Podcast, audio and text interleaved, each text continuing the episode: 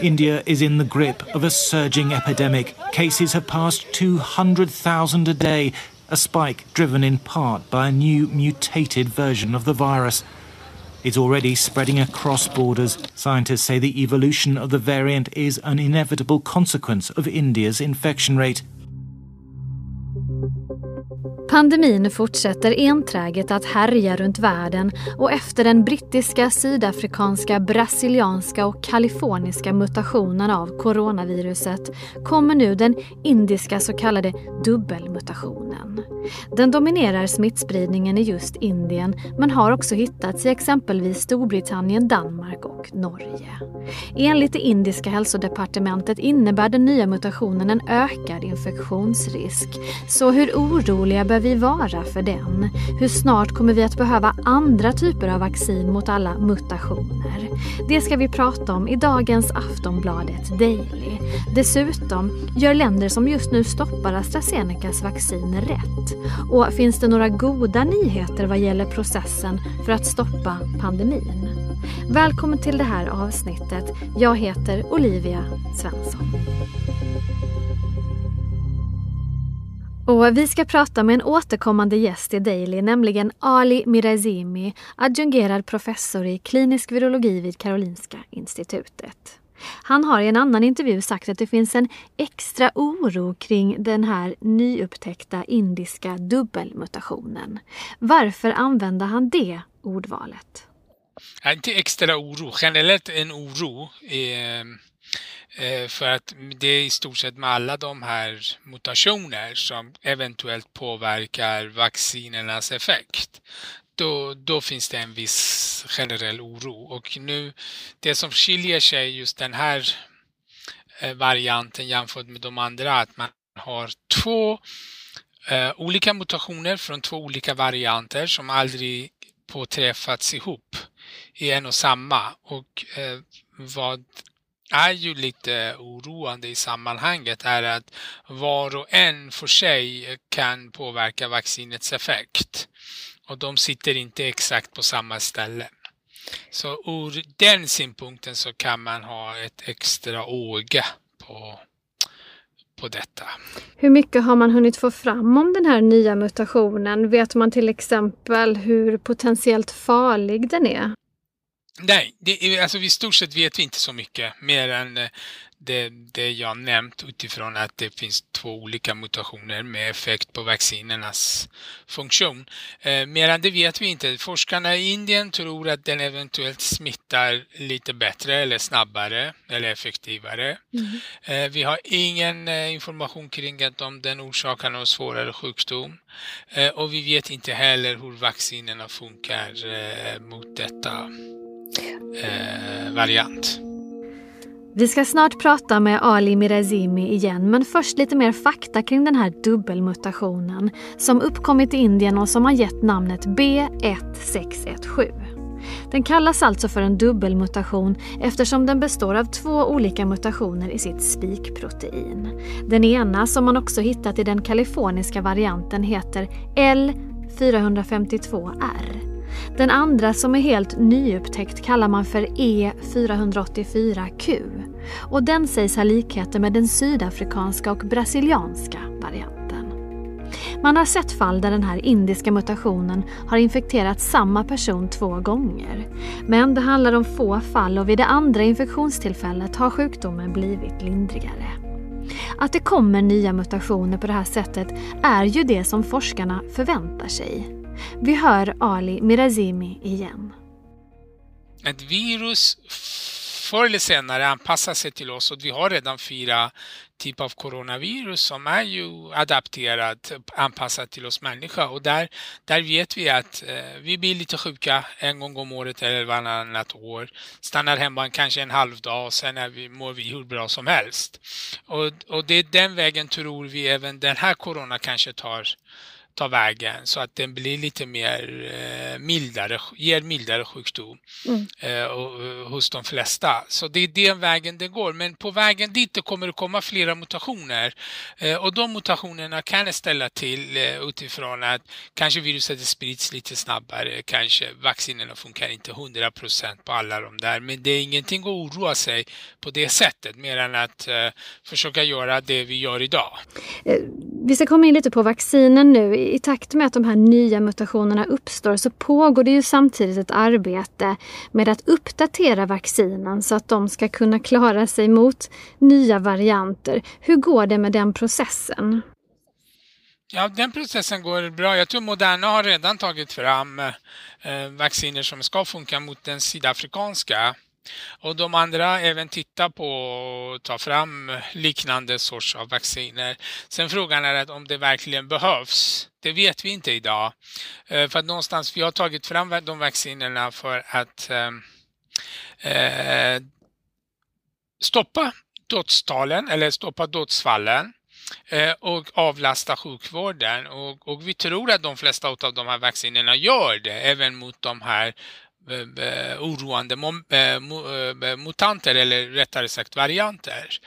Så, så det kanske egentligen behövs inte men hur som helst många av de företagen börjar ta fram uppdatera sina, sina vacciner så kanske om ett par år behöver vi kanske nästa gång ta en sydafrikansk eh, variant vaccin kanske, kanske inte. Mm. Eh, så, så fortfarande det som är ju, det som är ju viktigt och intressant är att vi har bra vacciner och de funkar väldigt bra. Ja, och då kommer vi in på de olika sorters vaccinerna. Vi har ju vektorvaccinen och så har vi mRNA-vaccinen då. Eh, där AstraZeneca och Janssen är så kallade vektorvaccin medan till exempel då Pfizer är mRNA-vaccin. De här skillnaderna eh, har ju blivit liksom en, en aktuell fråga nu med tanke på dels både med biverkningarna och dels med mutationerna. Om vi börjar med mutationerna, vet man redan nu vilken typ av vaccin som funkar bäst mot Alltså, nya mutationer? Nej, det vet man inte utan, eh, eh, eh, utan det här handlar om att hur man har Eh, hur man studerar. Och eh, till exempel vi vet att Pfizer funkar utmärkt mot den brittiska, Astra funkar utmärkt mot den brittiska. Och det vet vi från riktiga världen där i Israel har man vaccinerat över hälften av befolkningen och, och, kanske mycket mer. Och där vet vi att den brittiska varianten är dominerat. Och där både smittalen och dödstalen har, har gått ner eh, signifikant väldigt mycket. Och eh, samma sak ser vi även i, i England. Där använder de både Astra och Pfizer och då ser man samma effekt. Så uppenbarligen de båda funkar väldigt, väldigt bra mot det brittiska varianten. Sen, man har inte testat dem eh, i riktiga världen mot, mot de andra eh, varianterna. Janssen kom med ett studie där de eh, tittade på Janssens eh, vaccin då och då tittade de i, i, i, USA, tittade de i Brasilien och sen tittade de i Sydafrika. Och då fann de att eh, vaccinet funkar med lite olika grad. Eh, bäst i USA, lite sämre i i, i de andra två, Brasilien och Sydafrika. Men det som var mest intressant var att när de tittade på eh, vaccinens effekt på svår sjukdom och död så såg de att det funkar lika bra i alla de här tre, alltså USA, Eh, i, Brasilien och Sydafrika där vi vet att det domineras av de andra varianter. Så det är lovande. Så, så med stor sannolikhet kommer det att vara någorlunda liknande scenario eh, för de flesta av dem, men kanske med lite olika grad. De är studierna inte gjorda så vi vet inte hur pass bra de kommer att vara i olika kontinenter och olika, olika beroende på olika kontinenter och den dominerande virusvariant. Men det ser lovande ut så här långt mot svår sjukdom och, och, och döden. Sen sam, eh, samhällsspridningen, eh, det får vi avvakta och se. Mm. Om vi då går över till det här med biverkningar. Anledningen till att flera länder har stoppat AstraZenecas vaccin är ju för att man då har sett ett antal fall där folk har fått blodproppar samtidigt som de har haft låga nivåer av blodplättar. Det är ju en väldigt ovanlig biverkning och det är också ett tillstånd som man ju kan få av sjukdomen eh, covid-19. Vad är din personliga åsikt om att vissa länder valt att stoppa Astras vaccin helt mitt i en vaccinationsprocess som det här är? Jag tror de flesta länder fortfarande, eh, flesta majoriteten fortfarande använder AstraZenecas vaccin, dock med en viss rekommendation på åldersgrupp. Sen vet vi Danmark och Norge i alla fall, de två länder som jag vet har stoppat helt och hållet. Eh, sen ska vi titta på de här biverkningarna. När man pratar om biverkning, just den allvarligaste biverkningen som vi har sett och kanske finns möjligen en koppling till AstraZeneca. Den, den sällsynt biverkan som är en kombination av eh, blodproppar och eh, brist eller låga halter av eh, blodplättar. Och det är väldigt ovanligt och det, hos väldigt få ser vi den biverkan. Eh, och, och eh, med tanke på de, i alla fall i Sverige har vi valt att rekommendera Astra-vaccinet för folk som är över 65 år gamla. Och där i Sverige har vi inte sådana fall eh, där, där någon över 65 har fått vaccinet och eh, visat då den här biverkan och eventuellt i Europa kanske finns några, de datan har jag inte sett själv personligen. Men de är väldigt få. Men det som är mest intressant i sammanhanget är att om vi tittar på antal dödsfallen mm. eller dödstalen, då är det över 90 procent är ju över 65 år uppåt. Eh, och då, då är ju risken att bli väldigt allvarligt sjuk eh, av viruset är så mycket högre än eventuella risker med allvarliga biverkningar. Så där, det är därför Sverige har bedömt att det här vägs starkt, eh, mycket starkare att vaccinera och inte vaccinera. Sen som du nämnde, självklart, eh, man har sett med covid att den påverkar eh, blodkoagulationssystemet hos de som blir svårsjuka. Bland annat de som kommer direkt till, till intensivvården efter en eh, covid-19 sjukdom så får man eh, blodförtunnande. Så, så det är ju också väldigt vanligt att kroppen svarar mot själva infektionen på, på ett speciellt sätt och hos de äldre kan bli väldigt, väldigt allvarligt. Därför bedöms att vaccinet gör mycket mer nytta mm. än eventuellt skada. Men tror du att vi kommer använda de här vektorvaccinen i framtiden mot coronaviruset med tanke på det vi ändå vet?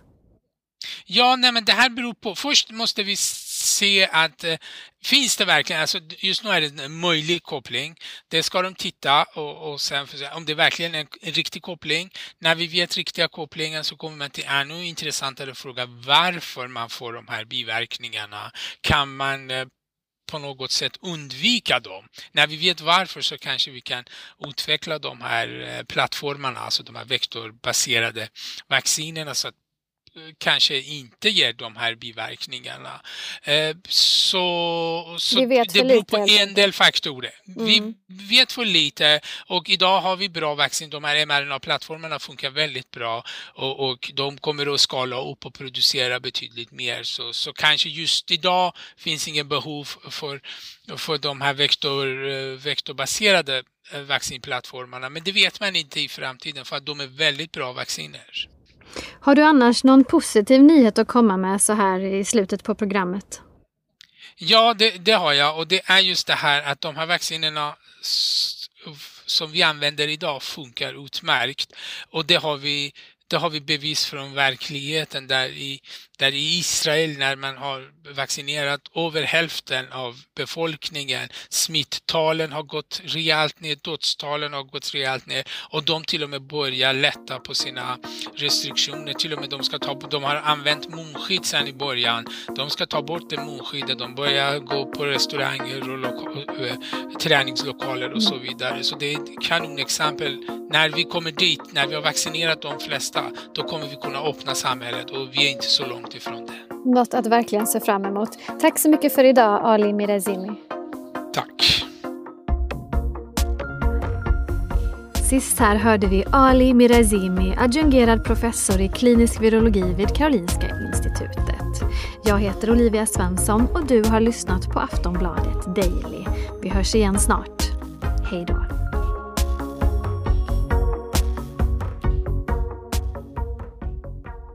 Du har lyssnat på en podcast från Aftonbladet. Ansvarig utgivare är Lena K Samuelsson.